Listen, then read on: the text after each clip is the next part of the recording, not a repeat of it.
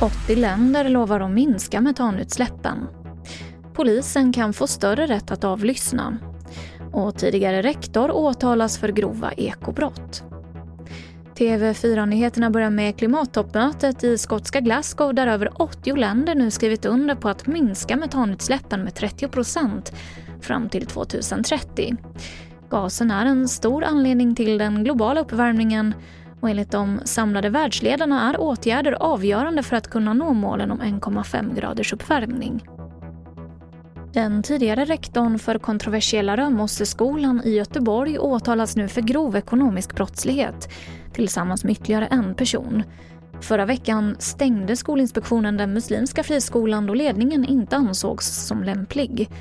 Och beslutet påverkar runt 600 elever.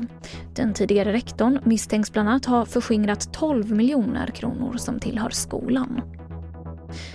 Regeringen tillsätter en utredning för att ge polisen utökad rätt till hemlig avlyssning utan konkret misstanke och nya möjligheter till husrannsakan för att förhindra allvarlig brottslighet. Det här sa inrikesminister Mikael Damberg under en pressträff idag. Eh, med det här vill vi alltså nu utreda möjligheten att ge brottsbekämpande myndigheter, inte bara Säpo i det här fallet, ytterligare ett centralt verktyg för att trycka tillbaka gängkriminaliteten och bekämpa terrorism. Eh, vi kommer att göra allt i vår makt eh, för att bekämpa gängkriminaliteten i Sverige.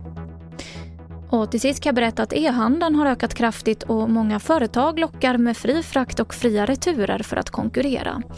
Enligt en rapport från de tre LO-förbunden Handels, Transport och Seko så får det här negativa konsekvenser. Både för deras anställda och för miljön. Och därför vill man att det införs en lagstadgad avgift för frakt till kund och för returer. Fler nyheter hittar du i vår app TV4 Nyheterna. I studion, Emily Olsson.